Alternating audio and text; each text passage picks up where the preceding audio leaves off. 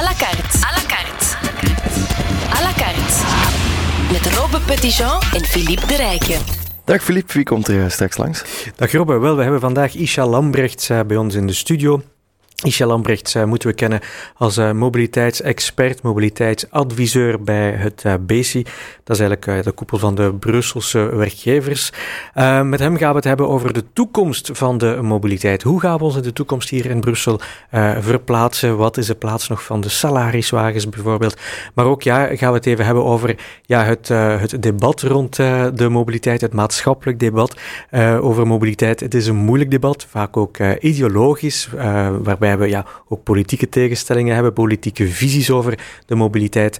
Met uh, Isha Lambrechts gaan we het daar allemaal over hebben vandaag. À la carte. Dag Isha Lambrechts, goedemiddag. Goedemiddag. Hoe ben je het, uh, naar Flagey gekomen?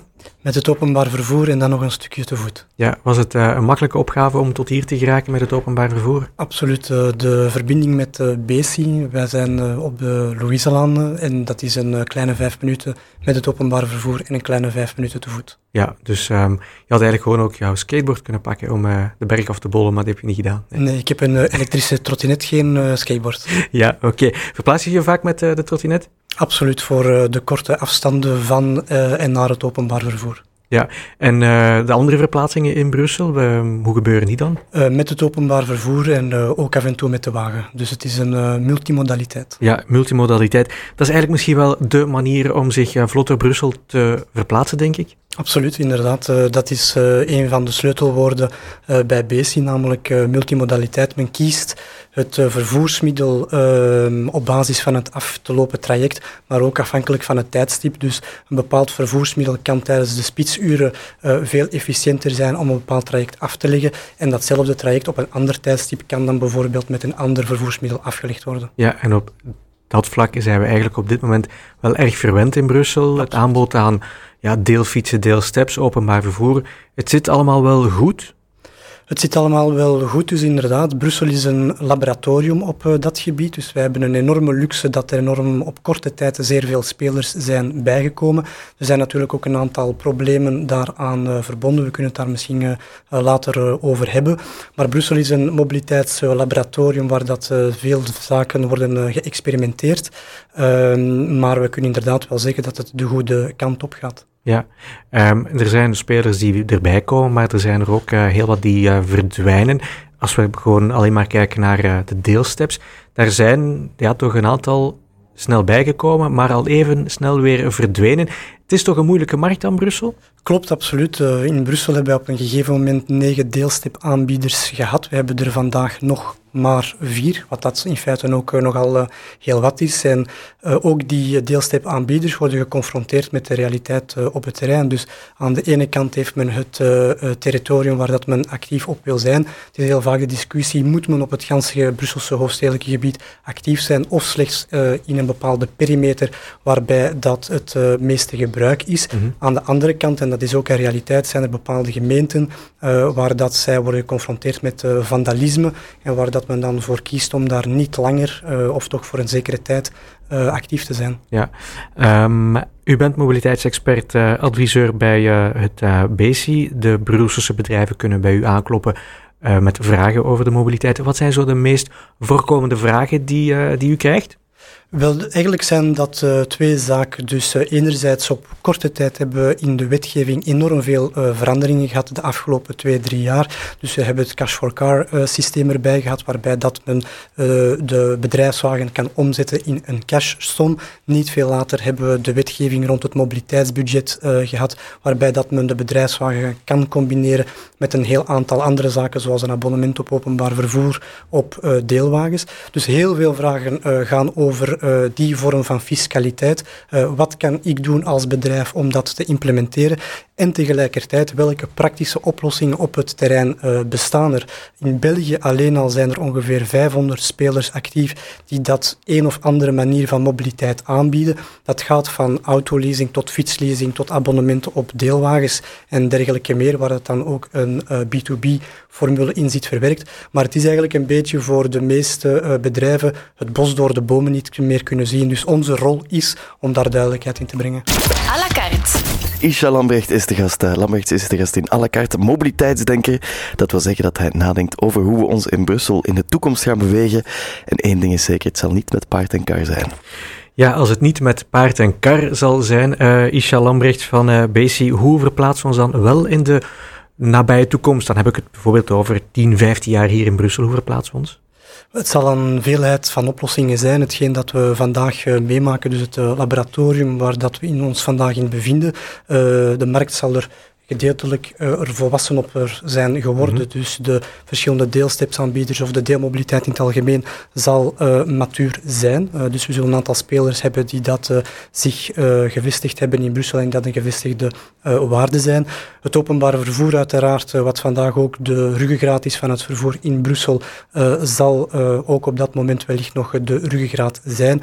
En natuurlijk ook de wagens. we kunnen erover discussiëren of dat, dat autonome wagens zullen zijn of niet. Mm -hmm. uh, echt autonome wagens, zoals we die vaak zien in uh, science fiction movies, dat verwachten we toch niet voor 2030 en in, om zeer realistisch te zijn, toch niet voor 2040. Een grote verandering, dat zal zich ook bevinden op het gebied van mobility as a service. Mm -hmm. vroeger, op het gebied van mobiliteit, had men vaak één vervoersmiddel en daar deed men eigenlijk alle trajecten mee. Vandaag zien we daar al een gedeeltelijke verandering in, waarbij dat men het vervoersmiddel aanpast aan het traject. Maar we bevinden ons nog niet echt in een echte mobility as a service, waarbij dat mobiliteit als een dienst wordt beschouwd. Mm -hmm waarmee we op basis van één applicatie ons volledig traject alle uh, modaliteiten kunnen plannen. Want dat is hetgeen wat je heel vaak leest als je het, uh, ja, toekomstdenkers uh, aan het woord hoort of als je leest over de toekomst van de mobiliteit, dan is, dit toch wel, is dat toch wat er heel vaak uitspringt. Hè? Dus Mobility as a Service. Heel concreet, wat is dat? Dus het mobility as a service verhaal, daar wordt mobiliteit beschouwd als een dienst. Vaak, uh, en vandaag is dat ook nog het geval, is men bezit van zijn, uh, in het bezit van een vervoersmiddel. Mm, ja. Nu kan men mobiliteit bestellen. Dus men kan een vervoersmiddel bestellen. Dat kan een wagen zijn, dat kan een fiets zijn, dat kan het openbaar vervoer zijn, een deelstep en dergelijke meer. De bedoeling van een echte mobility as a service is dat je natuurlijk ook een volledige software hebt, waarbij dat je je volledige traject van punt A de first ja. mile, uh, de last mile, maar ook het hoofdtraject kan plannen met één applicatie en ook dat de verschillende vervoersmiddelen op dat gebied aan elkaar geconnecteerd zijn. Dus dat je bijvoorbeeld niet eerst een fiets moet bestellen om die dan te parkeren, om nadien dan een ticket te bestellen en dan eventueel nadien opnieuw een ticket te mhm. bestellen voor... Zijn er op dat vlak uh, veelbelovende projecten in de pipeline zitten hier in Brussel? Zo één, één, één app, want ja, dat is inderdaad wel de toekomst, als je vandaag uh, inderdaad uh, wilt verplaatsen met verschillende uh, verplaatsingsmogelijkheden, ja, dan heb je het, een, ja, een veelheid aan uh, apps nodig? Um, inderdaad, vandaag hebben we al een uh, heel aantal apps die uh, actief zijn. Dus mm heel veel spelers, bijvoorbeeld de speler Labbox, die heeft verschillende oplossingen ontwikkeld. Zij gaan die ook allemaal includeren in éénzelfde app. Maar in die app kan je bijvoorbeeld geen reservatie doen van eventuele concurrerende bedrijfsvervoersmiddelen. En in een systeem waarbij dat we echt spreken over een smart mobility, een smart city, om een uh, modewoord te gebruiken, heb je vaak één platform waar dat alles uh, geconnecteerd is. Ligt daar een taak uh, weggelegd voor de overheid? Daar is mogelijk een taak weggelegd voor de overheid. In feite, je hebt drie uh, pistes. Je hebt een piste waarbij dat een systeem volledig in handen van de private markt is. Je hebt een systeem dat volledig in handen is van de publieke overheid. En dan heb je nog een, PPS, uh, ja. inderdaad, waarbij dat de overheid een rol ziet. In het uh, nieuwe Brussels mobiliteitsplan, dus het plan Good Move, is er een maatregel voorzien waarbij dat de overheid voor zichzelf een rol weggelegd ziet voor de back-end van mm -hmm. een mobility as a service. Ja. Dus daarmee bedoelt men payment, ticketing en dergelijke meer. Ja. Het mobiliteitsdebat is een heel lastig debat. Het is vaak ook, uh, zeker in deze tijd, ook een uh, zeer ideologisch um, debat. Eigenlijk gaat het debat misschien wel een beetje de verkeerde kant uit in, in dat opzicht, omdat het juist zo ideologisch wordt. Klopt, het is niet alleen ideologisch, maar ook heel vaak uh, emotioneel. Iedereen wordt uh, dagelijks met mobiliteit geconfronteerd. Dat kan in de files zijn, dat kan op het openbaar vervoer zijn. De zoveelste keer dat men een trein heeft gemist bijvoorbeeld. Uh, dus allerhande problemen kunnen zich voordoen. En dat maakt natuurlijk ook dat iedereen een expert is van zijn eigen mobiliteit. Iedereen heeft daar dan ook een mening over. En desgevallend wordt het een uh, emotioneel uh, debat. Het is ook een complex debat in die zin dat uh, mobiliteit is niet enkel gelinkt aan mobiliteit. We, hebben, we moeten rekening houden met het fiscaal systeem. We, kunnen, we hebben de bedrijfswagen, we hebben ook de discussie over een intelligente kilometerheffing of een stadstol bijvoorbeeld. Ehm, daarnaast hebben we ook elementen waaronder de demografie. In Brussel voorzien we enorme bevolkingsexplosie die dat vooral in het noorden van Brussel zal bevinden. Net met het noorden van Brussel hebben we een slechte connectie wat het openbaar vervoer betreft. Dus daar moet ook op geanticipeerd worden. En we zitten daar ook met een andere demografische evolutie, waarbij dat jonge tweeverdieners vaak uh, op een bepaalde leeftijd ervoor kiezen om Brussel te verlaten, om een woning aan te kopen elders. En op dat moment vermeerdert de mobiliteit en we zien dan ook vaak dat men dan uh, al heeft men in de stad zelf gebruik gemaakt van allerhande mobiliteitsoplossingen, dan gaat men over tot de aankoop van een wagen bijvoorbeeld. Ja, ik ben hier dingen aan het uh, bijleren. Mobility as a service, verschillende diensten gebundeld in één app, zeg maar een soort Netflix, maar dan op vlak van vervoer. À la carte. Ja, tijd voor uh, ja-nee-vragen. Dus een stelling waarbij uh, uw beste Isha met ja of nee moet op antwoorden. En dan kunnen we dat wat verder um, uitwerken. De eerste stelling: het openbaar vervoer zoals we dat vandaag kennen, bestaat over 20 jaar niet meer. Correct. Hoe gaat het er dan wel uitzien? Uh, veel gedigitaliseerder. Dus uh, als we nu neerkomen op uh, mobility as a service, het openbaar vervoer vandaag speelt daar een beetje op zichzelf. private spelers vandaag hebben een enorme vraag om samen te werken met de openbaar vervoerspelers, niet enkel in Brussel, maar ook daarbuiten. Dus een samenwerking tussen de private spelers en het openbaar vervoer om alle diensten te integreren in elkaar, zal hopelijk binnen tien jaar realiteit zijn. Ja, mobiliteit is een mentaliteit. Uh, correct, inderdaad. Uh, dus uh, dat is ook een boodschap dat wij bij BC regelmatig herhalen. voor ons, als we neerkomen op de fileproblematiek, het probleem is niet zozeer het bezit van een wagen, maar hoe dat men de wagen gebruikt. Dus we moeten een bepaalde bewustwording hebben van hoe dat men zich verplaatst. En als men zich daar bewust van is, dan kan men hun de gedragsgewoonten aanpassen aan de realiteit op het terrein. In Brussel zijn we niet klaar voor de elektrische auto. Klopt inderdaad. Dus de elektrische wagen vandaag en in de toekomst, daar zal veel meer vraag uh, naar zijn. De realiteit op het terrein in Brussel is dat uh, eh, 88% van het elektriciteitsnet niet aangepast is aan de vraag vandaag, maar ook niet aan uh, de toekomst. voor elektrische wagens moet je in feite 400 uh, volt hebben voor mid- en fast uh, chargers. 88% uh, beschikt over 230 volt, wat dat dus totaal onaangepast is. Te begrijpen dat dat een historische keuze is die dat we in de toekomst hopelijk mm gaan aanpassen. Ja. Tegenstanders van salariswagens zijn eigenlijk gewoon stik jaloers. Of ze jaloers zijn, eh, dat, eh, dat laat ik in het eh, midden. maar vandaag, de salariswagen in het systeem zoals we dat vandaag hebben, is essentieel. Is essentieel, oké. Dus die zal nooit verdwijnen? Um, die zal nooit verdwijnen, dat is uh, veel gezegd. Als de vraag is, is het logischer om mensen uit te betalen in uh, geld dan in een wagen, dan is het antwoord uiteraard ja.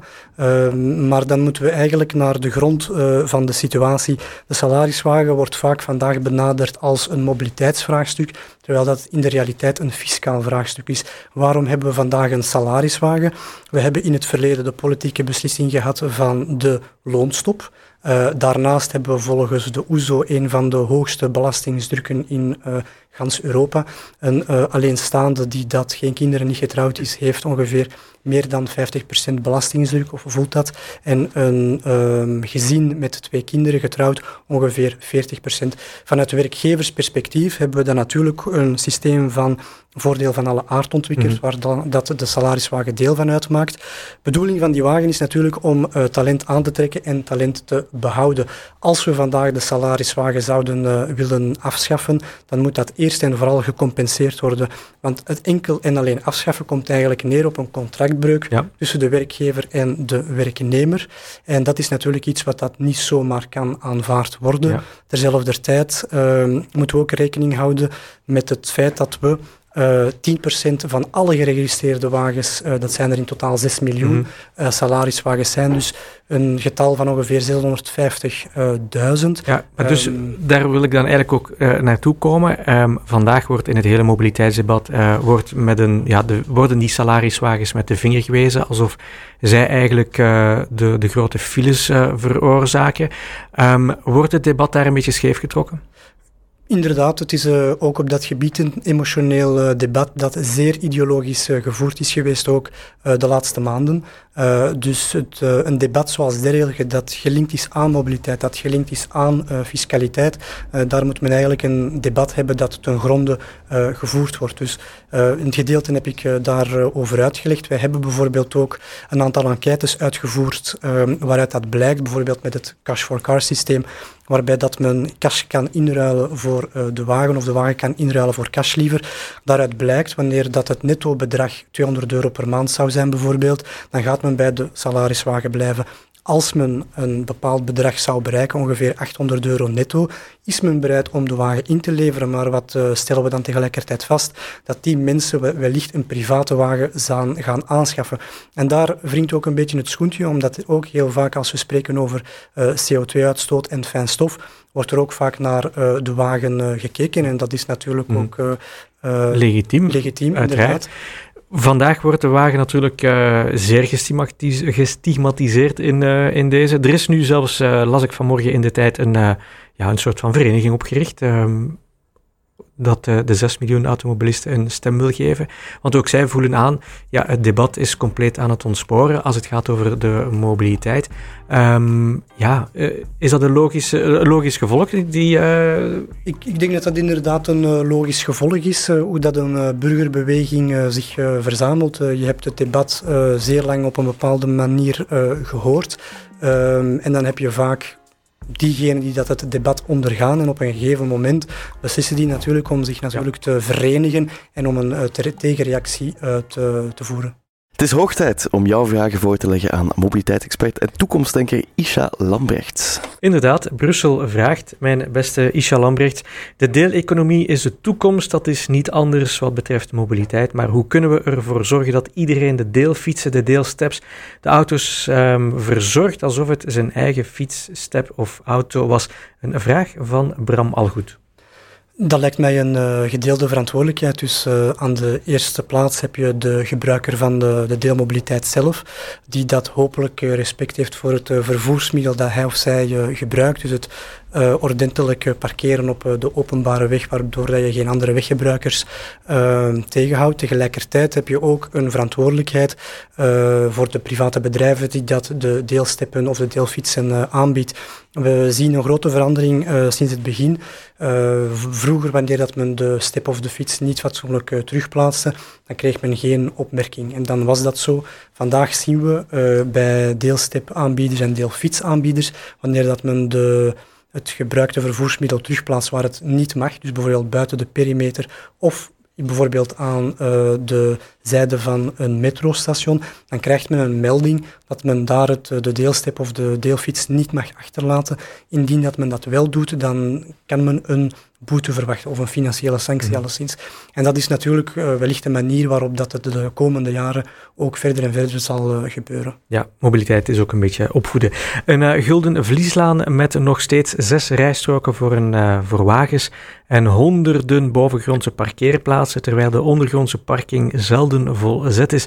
Kan je daar als toekomstdenker achter staan? Een vraag van Alain Gros. Ik veronderstel dat dat een verwijzing is naar het project van de handelaars dat uh, ingediend is uh, Waar jullie ook achter staan? Klopt, absoluut. Dus uh, BC is daar ondersteuner van. En waarom ondersteunen we dat project? Omdat we daar met een zeer specifieke situatie bevinden. Dus enerzijds verbetert de mobiliteit bovengronds. Dus er wordt bevorderd voor de zachte mobiliteit, voor wandelaars, voor fietsers en ook voor andere vormen van um, zachte mobiliteit. Tegelijkertijd bevinden we ons op de kleine ring. de bestaansreden van de kleine ring is namelijk het verkeer verhinderen om in de binnenstad te gaan. Dat is ook de logica geweest van het aanleggen van de voetgangerszone, namelijk doorgaand verkeer hoeft niet in de binnenstad. Ik denk dat we daar allemaal over akkoord kunnen zijn. Nu, als we tegelijkertijd ook de kleine ring gaan inperken, dan creëer je natuurlijk een mes dat aan twee zijden mhm. snijdt. Aan de ene kant niet in de binnenstand, maar aan de andere kant ga je ook meer files creëren. We hebben bijvoorbeeld een studie laten uitvoeren ehm, voor de tellingen en de simulatie dat gebeurd is voor het uh, eerdere project van uh, Busselmobiliteit.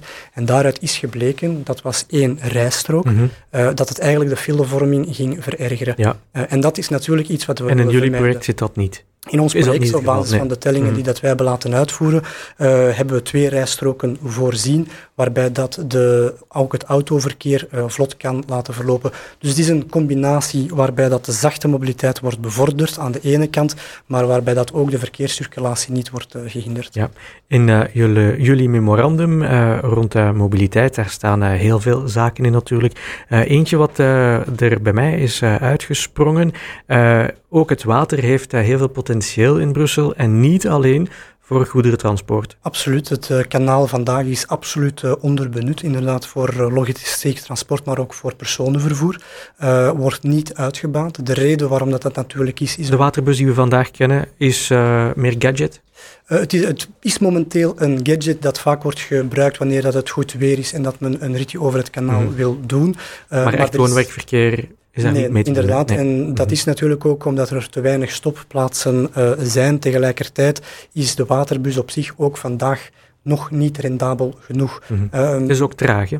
Het is inderdaad ook traag. Uh, voor alle duidelijkheid, het, uh, de waterbus op zich of het kanaal op zich is niet de oplossing. Mhm. Dus je moet altijd denken in een kader van meerdere oplossingen die dat worden geïmplementeerd. De multimodaliteit. De multimodaliteit, inderdaad. We komen daar eigenlijk altijd op terug. Hè? Als u, ja, de multimodaliteit, dat is, het, um, dat is eigenlijk het toverwoord. Het, het, het, de, het, is inderdaad het, uh, het, is het sleutelwoord. Ja, het sleutelwoord het, ja. de, de, mobiliteit zal uh, multimodaal zijn of uh, ze zal niet zijn. En ja. dat is inderdaad eh, de toekomst. Eh. Maar dan is het natuurlijk wel zaak dat al die verschillende spelers, en dan denk ik nu bijvoorbeeld ook uh, richting NMBS, MIVB, De Lijn, dergelijke, dat die misschien ook een tandje beginnen bij te steken en dat er ja, over de grenzen heen nu echt eens werk wordt gemaakt van een degelijke samenwerking. Maar vandaag zit iedereen een beetje op zijn eiland, hè? Klopt inderdaad, er zijn uh, bepaalde vormen van samenwerking, uh, maar die, die kunnen absoluut uh, beter. Als we over een aantal projecten spreken voor openbaar vervoer, dan stoppen die vaak waar dat de gewestgrenzen stoppen of starten. We hebben dat ook vanuit BC altijd proberen aan te moedigen om interregionaal mm. te overleggen of een interregionale of interfederale visie te ontwikkelen. Maar wat houdt die mensen tegen om dat te doen? Maar dat, dat, is, een, dat is de politieke bevoegdheid. er zijn, je hebt de deelstaat hervorming uh, zoals ze vandaag zijn, uh, waarbij dat aan verschillende uh, landsgrenzen verschillende beslissingen worden genomen. En natuurlijk, je zit met de de openbare vervoersmaatschappijen zijn geen bedrijven op zich die dat mhm. enkel op zich beslissingen kunnen nemen. Dus daar zitten uh, politieke beslissingen achter. Uh, we hebben natuurlijk ook de laatste jaren dat proberen aan te moedigen. Daar is, uh, op sommige projecten lukt dat, op andere pro projecten lukt dat helaas helemaal niet. Ja, Isha Lambrecht, mobiliteitsexpert bij het BC. Hoe ziet, hoe ziet jouw dag er nog uit vandaag? Ik zal na de uitzending uh, opnieuw naar het uh, bureau gaan en ik ga daar een uh, presentatie voorbereiden voor op het colloquium Brussels New Mobility dat morgen plaatsvindt in het kader van Bike Brussels. Ja, New Mobility, dat klinkt ook alweer zeer toekomstgericht. Klopt inderdaad, we hebben het daar opnieuw over multimodaliteit en over het concept waar dat professor Doge het eerder deze week over had, mhm. namelijk het installeren van mobiliteitshubs. Ja, wat kan u uit uw slaap houden? Weinig zaken, ik slaap eh, zeer goed. zeer goed. Hou zo. Isha Lambrecht, dankjewel voor dit hele fijne gesprek. Dankjewel. Er is nog mee tijdens deze week eh, van de mobiliteit, want Filip, jij bent onder de grond gekropen, hè? Ja, helemaal. Ik ben, uh, ik ben gaan mollen. Ik ben een nachtje mee geweest met de, de arbeiders, de, de bouwvakkers die de Leopold II-tunnel renoveren. En ik moet zeggen, ik heb mijn ogen opengetrokken. En wat ik daar heb gezien, um, ja, dat tart eigenlijk alle verbeelding. Het is super high-tech bij momenten. Uh, maar als je ziet in welke staat de tunnel verkeert op dit moment, dan begrijp je dat één, de factuur heel hoog zal zijn en twee, dat het allemaal een beetje lang zal duren. Hing daar een geurtje? Uh, wel, na een tijd, na tijd, na tijd voel je toch op de longen dat, ehm, ja, dat ja, de uitlaatgassen daar toch nog een hele poos blijven hangen. Dus een chapeau voor de mensen die daar, die daar s'nachts gaan werken, ehm, de longen uit hun lijf werken in de vieze lucht. Um, chapeau, respect. Ja, jij bent daar langs geweest op die langste werf van, van ons land. Uh, kunnen we binnenkort bekijken op uh, Bus TV? Vanavond, vanavond. 24. En er staat ook een heel fijn artikel, zo dadelijk ook online, van Kevin uh, van Pannenhuizen. Die is meegegaan voor de website en voor onze markt. Voilà, lezen en kijken, dat kan je dus doen over die Leopold 2-tunnel die ze aan het renoveren zijn. À la carte, dat is elke dag opnieuw een interessante gast op radio en tv. Stel jouw vraag via beurs.be of WhatsApp.